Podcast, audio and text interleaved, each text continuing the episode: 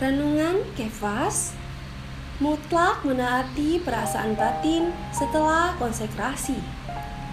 Ayat Alkitab 1 Yohanes pasal 2 ayat 27 mengatakan Sebab di dalam diri kamu tetap ada pengurapan yang telah kamu terima daripadanya Karena itu tidak perlu kamu diajar oleh orang lain tetapi sebagaimana pengurapannya mengajar kamu tentang segala sesuatu dan pengajarannya itu benar, tidak dusta.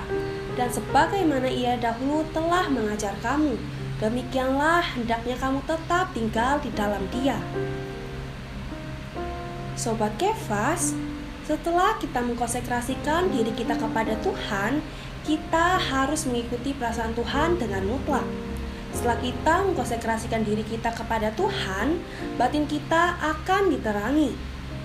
Hasilnya, kita akan tahu apa yang menyenangkan Tuhan, dan kita akan mengikuti perasaan batin kita.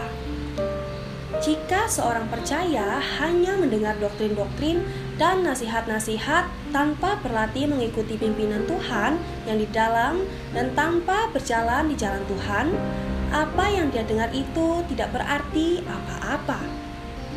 Hal yang paling berharga mengenai seorang percaya adalah setelah ia mengkonsekrasikan dirinya kepada Tuhan, ia dapat merasakan apa yang berkenan kepada Tuhan, apa yang tidak berkenan kepadanya, dan bisa hidup menurut perasaan itu. Inilah yang paling bernilai dalam pengalaman orang percaya. Terang hari ini, Sudahkah kamu mengkonsentrasikan diri kepada Tuhan? Maukah kamu mengikuti perasaan Tuhan yang ada di dalam kamu? Poin doa berdoa agar kita mengikuti pimpinan Tuhan setelah kita mengkonsentrasikan diri kita kepada Tuhan.